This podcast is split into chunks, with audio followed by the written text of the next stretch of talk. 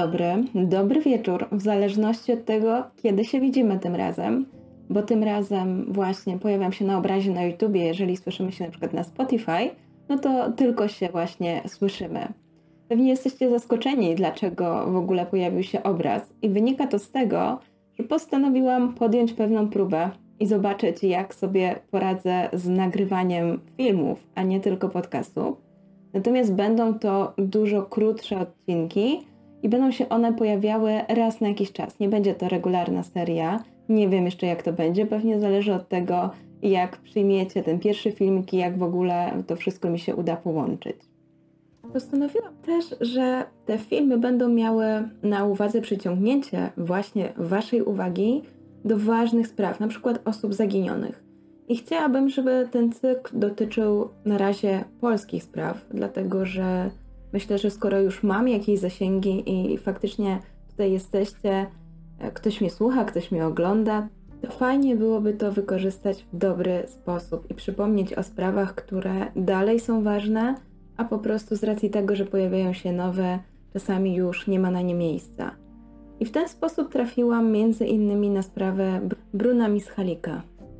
Nie wiem, czy ją kojarzycie, ja przez pewien czas dosyć y, sporo o niej słyszałam, natomiast w tym momencie raczej już jest cicho. Ostatnie wieści, jakie znalazłam, były z 2019 roku. Być może jeszcze coś się pojawiło i na to nie trafiłam, natomiast ostatnie właśnie jakieś artykuły, kiedy prasa podejmowała ten temat, to był 2019 rok. Dlatego postanowiłam, że po prostu przypomnę Wam o tej sprawie, opowiem przy okazji sama, dowiem się czegoś więcej, bo sprawa jest naprawdę nietypowa, gdyż dotyczy zaginięcia młodego chłopaka w Indiach.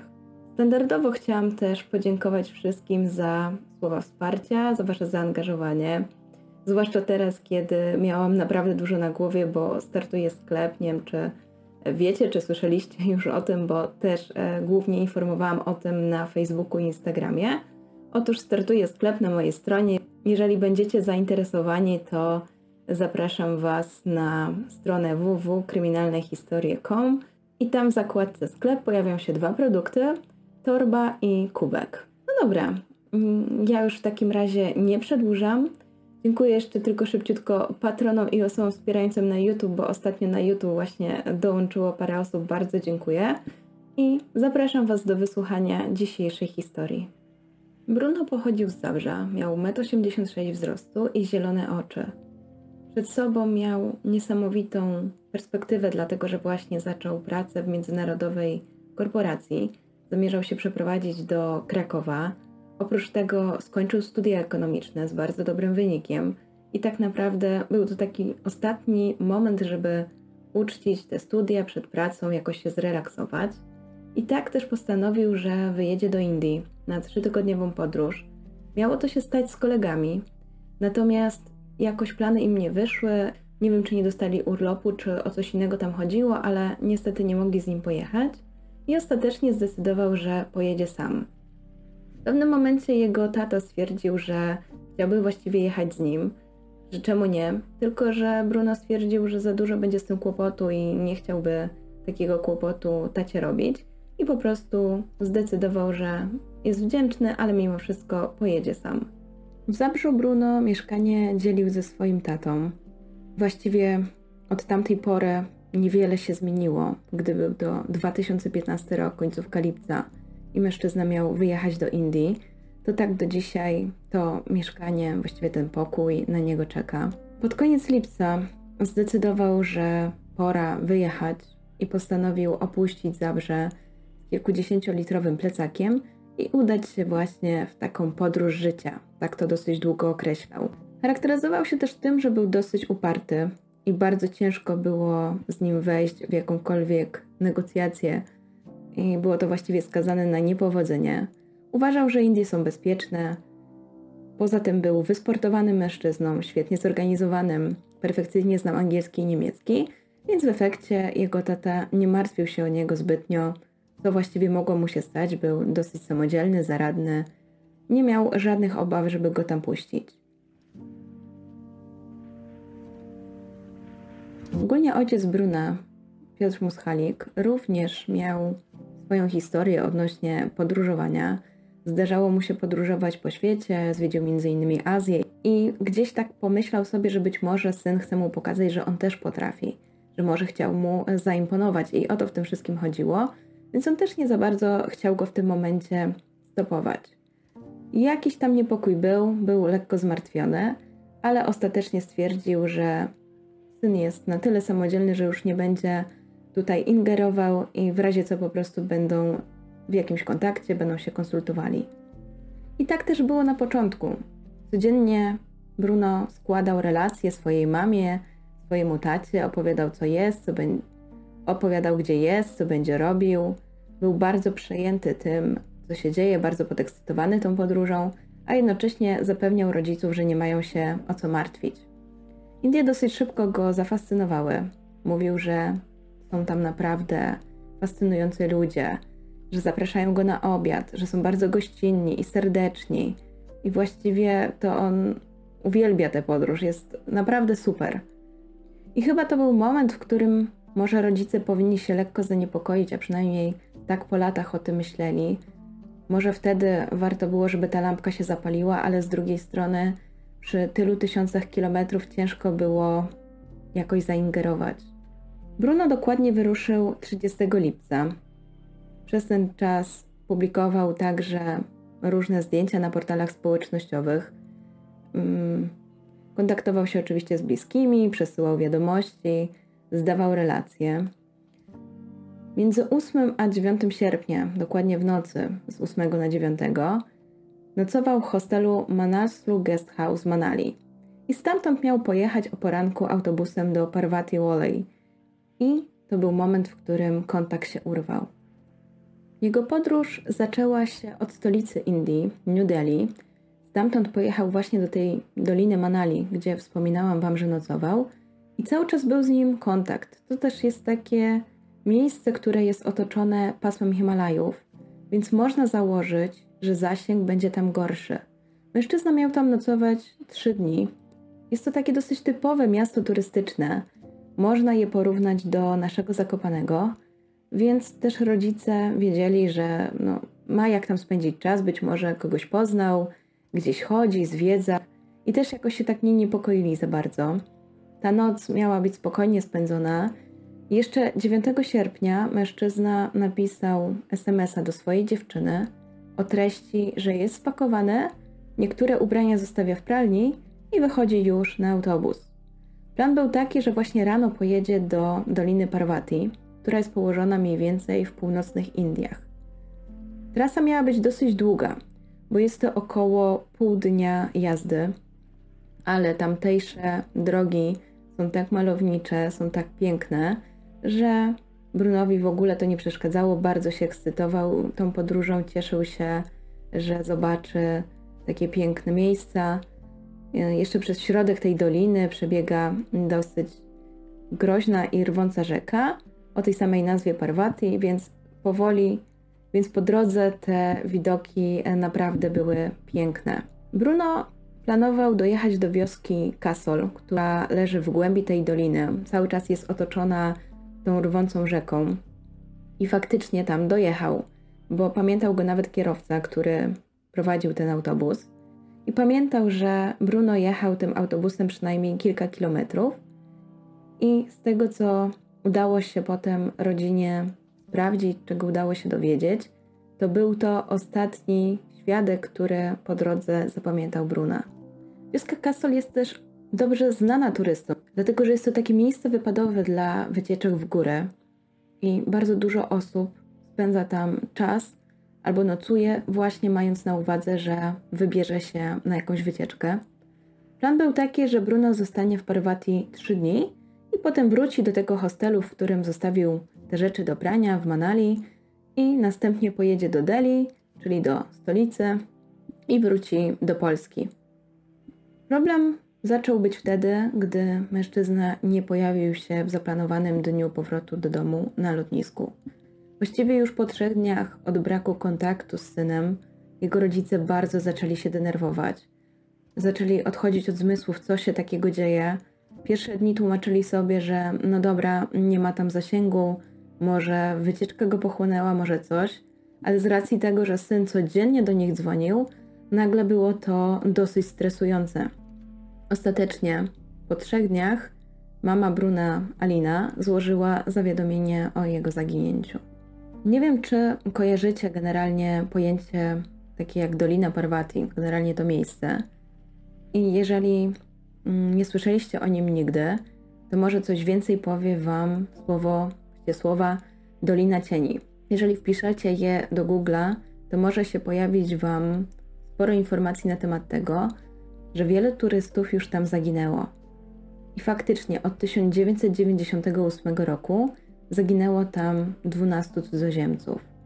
Właściwie rok po zaginięciu Bruna w tym rejonie zaginął doświadczony podróżnik, 35-letni Amerykanin Justin Alexander Shelter. Też jest to dosyć dziwna historia, dlatego że mężczyzna 22 sierpnia 2016 roku postanowił udać się na wycieczkę w Dolinie Parvati.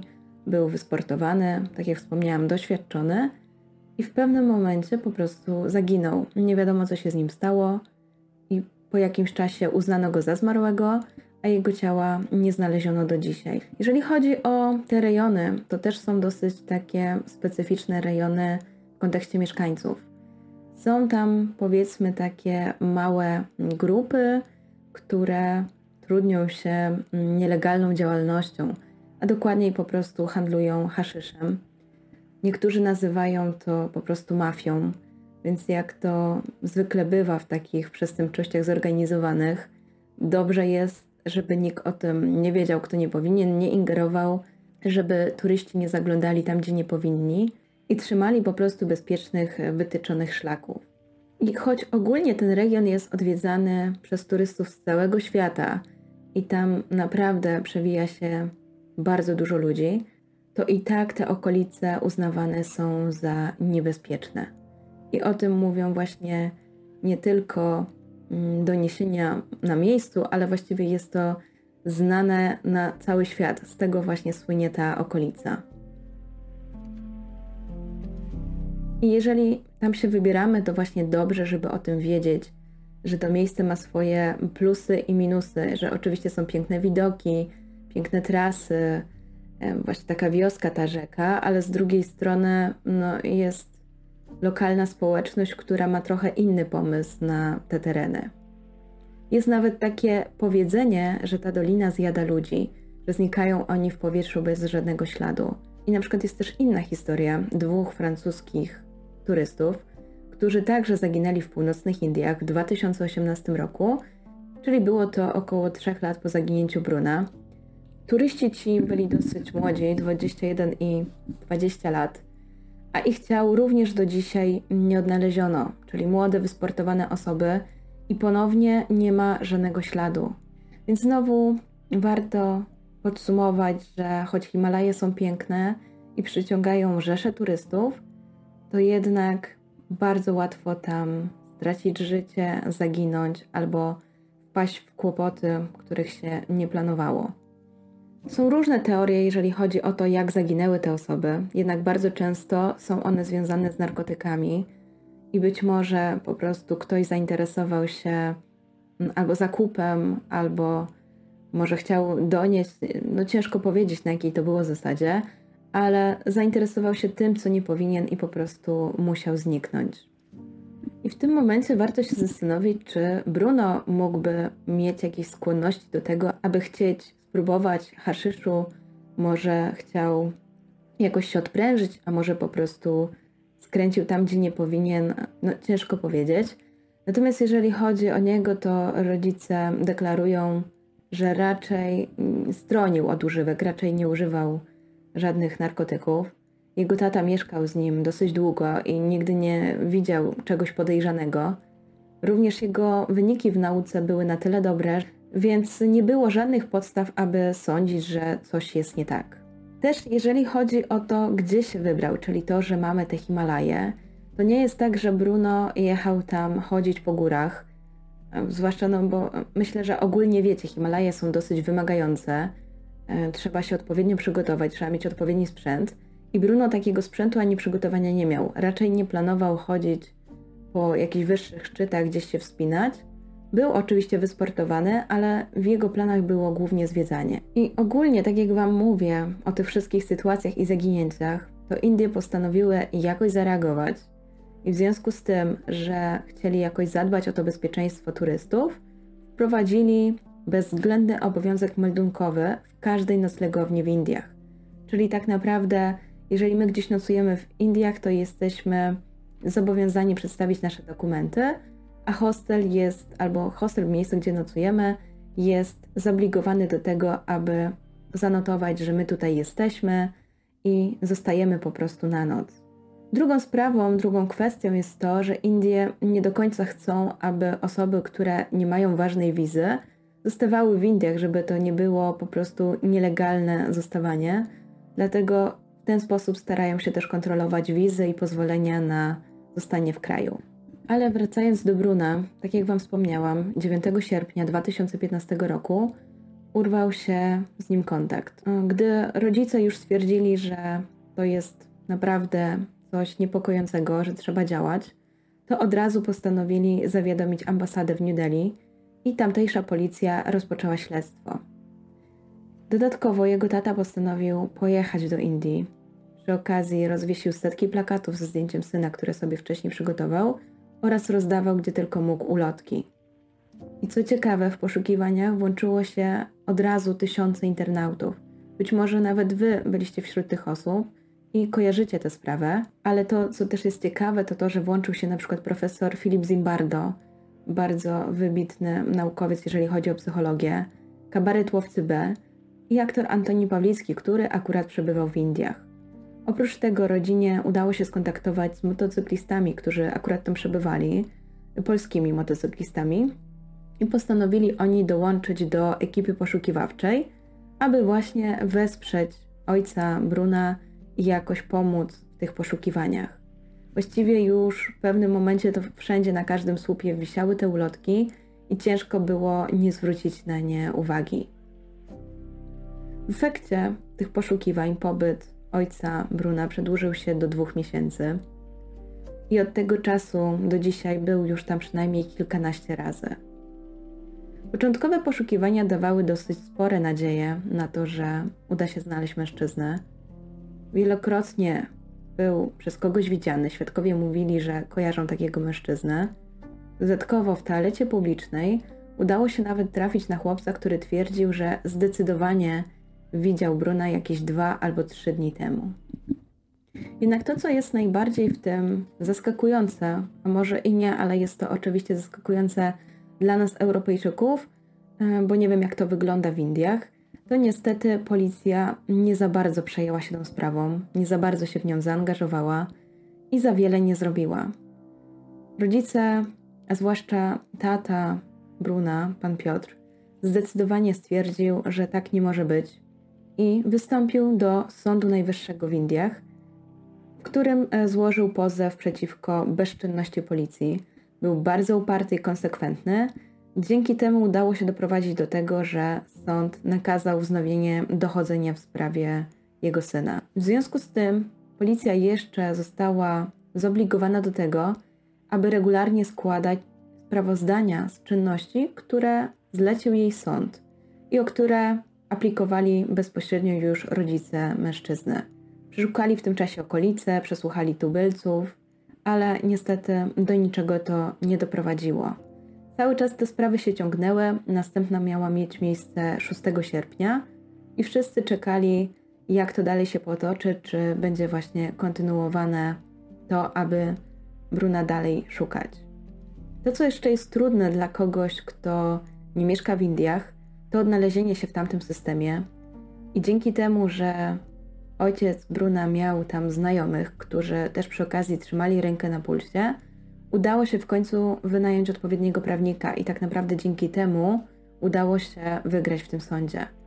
Bo inaczej po prostu pan Piotr płaniłby i pieniądze, i czas, płacił jakiemuś niekompetentnemu adwokatowi i nie doprowadził do niczego więcej. Bo tak naprawdę Indie dla Polaka są niezrozumiałe, właściwie też dla Europejczyka. Tam działają instytucje, których nie obowiązują żadne terminy. Nie ma czegoś takiego jak u nas, nie ma takich formalności. Wszystko jest bardzo skomplikowane, jest system kastowy, który właściwie dla osoby z zewnątrz jest nieczytelny. Dlatego bardzo ważne było to, że na miejscu rodzice Bruna mieli kogoś, z kim mogli się porozumieć. Ogólnie na poszukiwania Bruna wydano 250 tysięcy złotych, z czego 160 tysięcy udało się zebrać dzięki przyjaciołom i znajomym. Były też akcje w internecie i oczywiście wpłaty były cały czas przyjmowane, żeby po prostu pan Piotr mógł jeździć do Indii i czuwać nad tymi poszukiwaniami. Mijały tygodnie, nic się nie działo, aż w końcu, po sześciu tygodniach, zgłosił się świadek i potem następny, którzy twierdzili, że widzieli 24-latka w miejscowości Lech koło Kaszmiru. Jest to mniej więcej po drugiej stronie Himalajów i według nich miał być tam w towarzystwie dwóch dziewczyn, które podawały się za Izraelitki. To oczywiście od razu dało ogromną nadzieję rodzinie. Wszyscy cieszyli się, że może po prostu mężczyzna gdzieś wyjechał, zmienił lokalizację, tam nie miał zasięgu. Natychmiast tam pojechali, zaczęli rozwieszać plakaty, rozdawać ulotki, pytać mieszkańców. I znowu znalazł się świadek, który opisał mężczyznę z dwiema dziewczynami w swoim sklepie. Uważał, że na 99% to był ten mężczyzna, bardzo dokładnie go opisał i faktycznie ten opis przypominał Bruna. Z jego opisu wynikało, że mężczyzna wszedł do jego sklepu z dwiema dziewczynami, które chciały tam sobie kupić chusty i jakieś pamiątki. Miały też opowiedzieć, że właśnie przyjechały do Indii, że są na wycieczce, a potem planują wrócić do Izraela. Nie wiadomo jednak do dzisiaj, czy ten mężczyzna, którego zapamiętał sklepikarz, to faktycznie był Bruno, bo on nie zamienił ani jednego słowa ze sprzedawcą, więc ciężko stwierdzić, czy na przykład był Polakiem. Ponieważ trop prowadził do Izraela i ważne było teraz to, aby znaleźć te dwie kobiety, to pan Piotr postanowił pojechać tam i po prostu wystąpić w publicznym radiu i napisać post na portal o bardzo dużym zasięgu, powiedzmy coś jak u nas wirtualna Polska. Prosił, aby te dziewczyny się zgłosiły, że to jest bardzo ważne, że właśnie szuka syna, ale niestety tego odzewu nie było do dzisiaj, chociaż była przeznaczona nagroda 20 tysięcy. Też nie do końca to wszystko pasowało do Bruna, dlatego że on nigdy nie był lekkomyślny i ciężko było założyć, że nagle Bruno tak przestał się przejmować swoimi rodzicami i był taki lekkomyślny i postanowił, że pojedzie z jakimiś dwiema dziewczynami. Nawet nie wiadomo, czy pojechał do tego Izraela, czy nie, ale bardzo to by było dziwne, gdyby tak się zachował. Ale no, trzeba było sprawdzić wszystkie ślady. Minęły kolejne dwa tygodnie i zgłosił się kolejny świadek na policję, tym razem gospodarz publicznej toalety w Manali, który także twierdził, że rozpoznał chłopaka. Policja zdecydowała, że tym razem przyda się pomoc psów tropiących i postanowili dać mu rzeczy do pomachania, które należały do Bruna, a następnie pies podjął trop i rozpoznał zapach, ale poprowadził policjantów tylko do szosy i tam ślad się urwał. Wyglądało to tak, jakby w tym miejscu mężczyzna wsiadł do jakiegoś samochodu i po prostu odjechał. Nie udało się też znaleźć żadnych rzeczy Bruna, oprócz tych, które zostały wtedy w hostelu i które miały zostać wyprane. Zniknął jego plecak z dokumentami i rzeczami osobistymi. Policja nie za bardzo wiedziała, jak ma działać dalej, w związku z czym stwierdzono, że może spróbują dronem poszukać mężczyzny z góry, właśnie mniej więcej w okolicach Doliny Parvati, i chyba już raczej było to poszukiwanie ciała. Ta akcja sprawiła, że znaleziono różne przedmioty i następnie przedstawiono je ojcu mężczyzny, ale ten stwierdził, że zdecydowanie nie należą one do jego syna. Było to zakończenie tych poszukiwań, zakończenie jakichkolwiek śladów. Nie za bardzo policja wiedziała, co robić z tym dalej. I na chwilę śledztwo przygasło, nic nowego się nie pojawiało, ale rodzice mężczyzny znów zyskali nową nadzieję, bo policja nagle aresztowała dwóch tubylców. Okazało się, że jednego z nich znał Bruno, a dokładniej poznali się w New Delhi, czyli w stolicy Indii. I ten chłopak był znany policji głównie z tego, że naciąga turystów. Jego działanie polegało na tym, że na początku zagadywał, przymilał się, uśmiechał, potem proponował różne atrakcje, a następnie oczywiście nie dotrzymywał słowa, brał pieniądze i znikał. Była też taka opinia, że bardzo sobie upodobał turystów z Polski, zwłaszcza dla nich był dosyć serdeczny. I faktycznie, jak rodzice jakoś odświeżali sobie w pamięci te ostatnie rozmowy z Brunem, to był tam jakiś mężczyzna, który miał pokazać mu New Delhi i potem się zaprzyjaźnili i byli w kontakcie mailowym, natomiast nie było pewności, czy chodzi o tego samego mężczyznę. Natomiast nie było pewności, czy chodzi o tego samego mężczyznę. Ale z tego, co udało się potem sprawdzić w mailach, to właśnie ten mężczyzna nakłonił Bruna do tego, aby odwiedził Dolinę Parvati. Przekonywał go, że tam jest bardzo ładnie, fajnie, że mu się na pewno spodoba. I co ciekawe, początkowo Bruno wcale nie chciał tam jechać. Miał obawy, że on sobie tam nie da rady, że to po prostu jest dla niego za trudne, bo no jak Wam mówiłam, to są jednak okolice Himalajów, te szlaki już nie są takie, mm, wiecie, jak morskie oko w Zakopanym, że się idzie po betonie pod górę, tylko raczej już dla kogoś, kto ma odpowiednie obuwie, jest odpowiednio przygotowany, chociaż oczywiście na morskie oko też się powinno mieć odpowiednie obuwie, ale wiecie mniej więcej o co mi chodzi.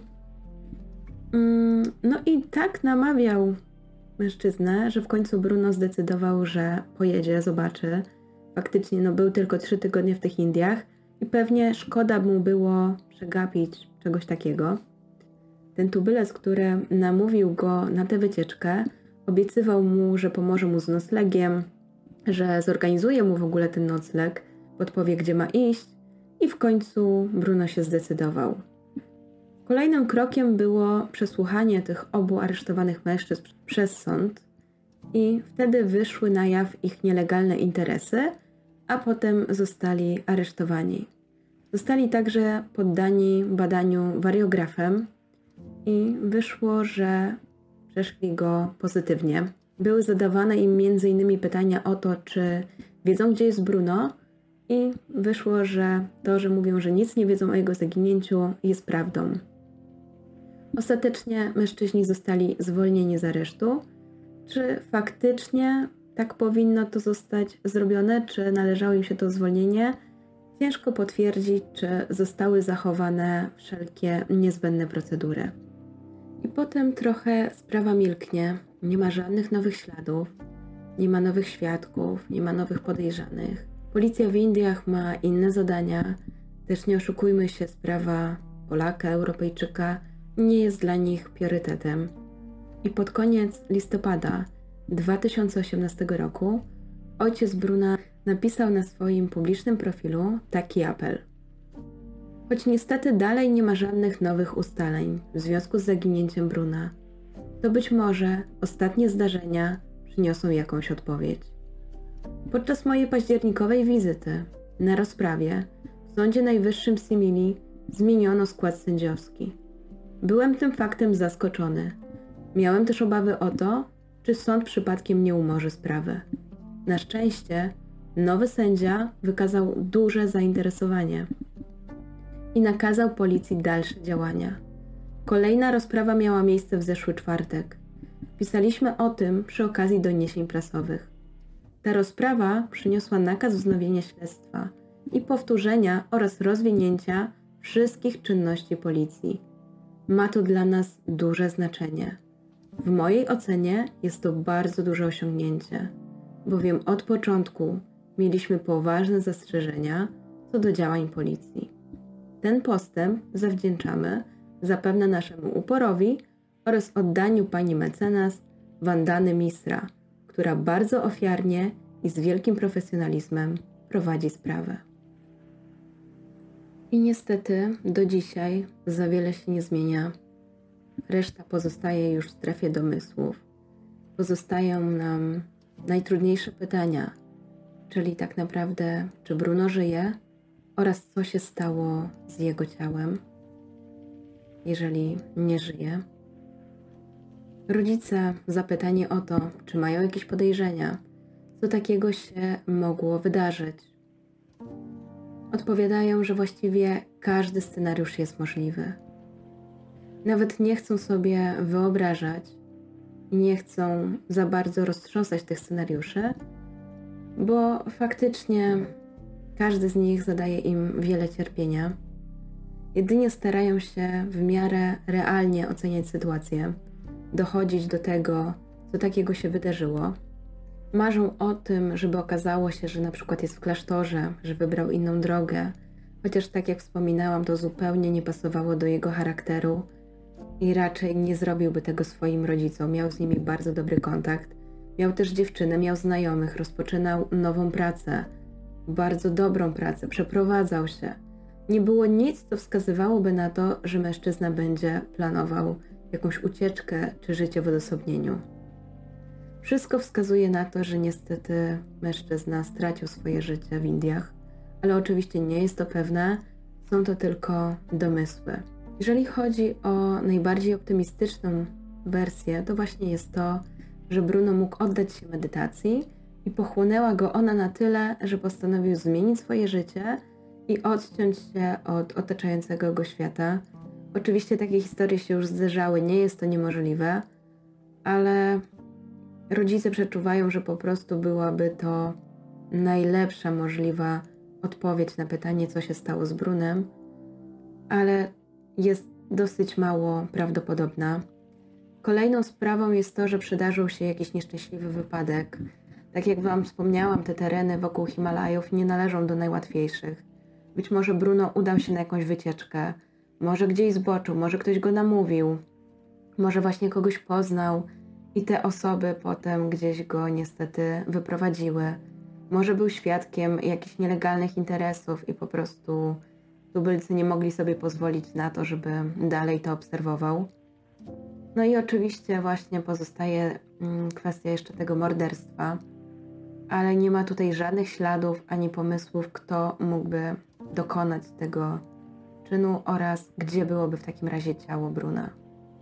Tak jak Wam wspomniałam, pan Piotr co chwilę jeździ do Indii, dalej stara się znaleźć swojego syna, organizuje zbiórki, aby właśnie było go stać na te podróże, bo tak jak Wam wspominałam, to są naprawdę ogromne pieniądze.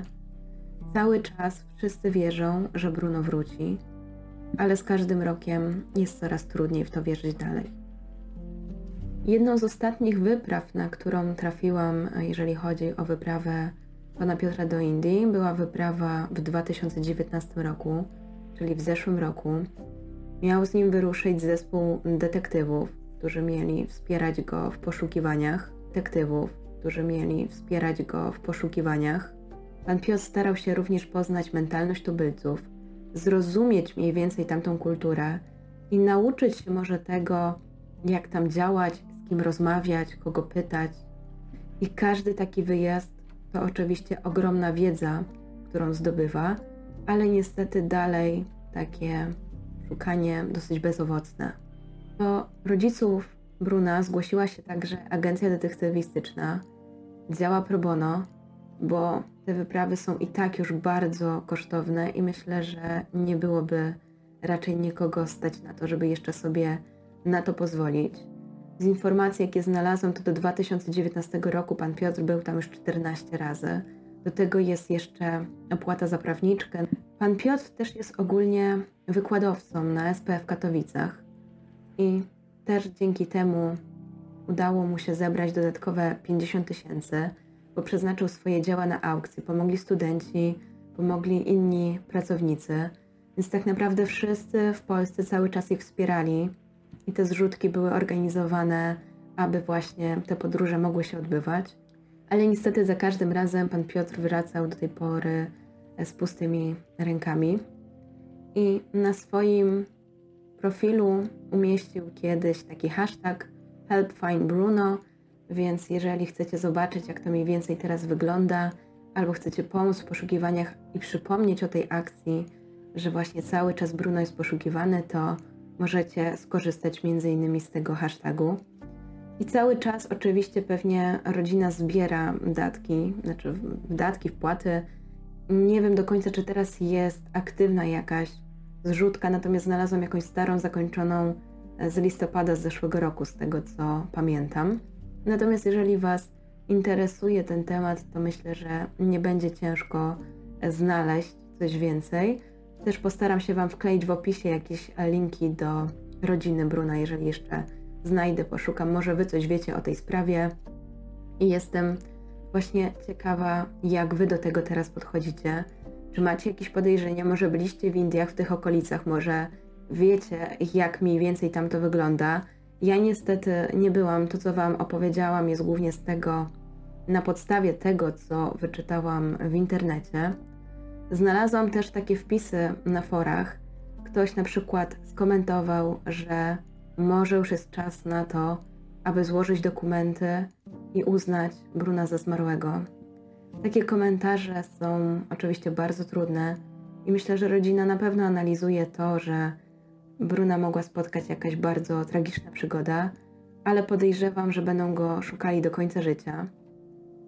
Ktoś napisał też taki komentarz, bez urazy, ale to już powoli staje się stylem życia. To brutalne, ale chłopak zapewne nie żyje. Dajcie mu spokój. Prawda jest taka, że im szybciej się ogarniecie, tym lepiej dla wszystkich. I dla mnie takie komentarze są chyba zbyt bezpośrednie. W sensie byłabym chyba ostatnią osobą, która chciałaby komuś odebrać nadzieję. I pewnie gdyby ktoś zaginął z moich bliskich, też bym szukała do końca życia. Więc uważam, że na pewno takie słowa w niczym nie pomagają i w takiej sytuacji lepiej chyba się powstrzymać od pisania, niż napisać właśnie coś takiego. I właściwie to już wszystkie informacje, jakie udało mi się znaleźć na temat tej sprawy.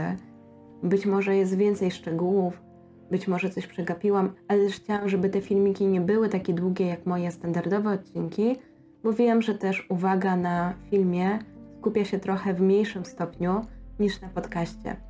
Oczywiście na Spotify, iTunes i tak dalej mnie głównie słuchaliście, dlatego jeżeli chcecie zobaczyć zdjęcia, to albo zapraszam Was na YouTube, albo standardowo na grupę na Facebooku Kryminalne Historie, teraz z dopiskiem Strefa True Crime. I smutna ta sprawa, powiem Wam, bo generalnie dosyć ciężko mi zawsze mówić o zaginięciach, ale postanowiłam przekroczyć tę strefę komfortu, bo mam nadzieję, że przypominanie o takich sprawach może zrobić coś dobrego. Chciałabym właśnie, żeby zrobiło coś dobrego. Sprawa jest właśnie przykra. Jest to młody 24-latek, któremu się właśnie wszystko układało i jedna decyzja na czymś zaważyła. Dużo niewiadomych, dużo rzeczy do zastanowienia się i bardzo trudne śledztwo. Dziękuję Wam bardzo za wysłuchanie. Mam nadzieję, że przyjmiecie mnie pozytywnie. Mimo wszystko jest to dla mnie trudne doświadczenie, bo pierwszy raz nagrywałam taki filmik. Co innego jest jednak mówić głównie do mikrofonu, gdzie staram się nie patrzeć na swoją mimikę, jak to wszystko wygląda. Tutaj jednak starałam się w miarę zachować minę, tak, bo sprawa jest dosyć poważna. E, też nie chciałam cały czas mieć takiej jednej miny. No, generalnie dosyć trudne było to dla mnie, ale lubię chyba wychodzić poza strefę komfortu i próbować czegoś nowego. Jeżeli dzięki temu przyciągnę większą liczbę osób, która usłyszy o tej sprawie, to mój cel zostanie osiągnięty. I bardzo Wam dziękuję za wszelkie komentarze, bo dzięki nim właśnie ten zasięg się zwiększy i być może jak nagłośnimy sprawę Bruna, to uda się dotrzeć do nowych informacji. Bardzo Wam dziękuję za wysłuchanie. Zapraszam Was do sklepu i życzę miłego dnia, dobrej nocy i do usłyszenia.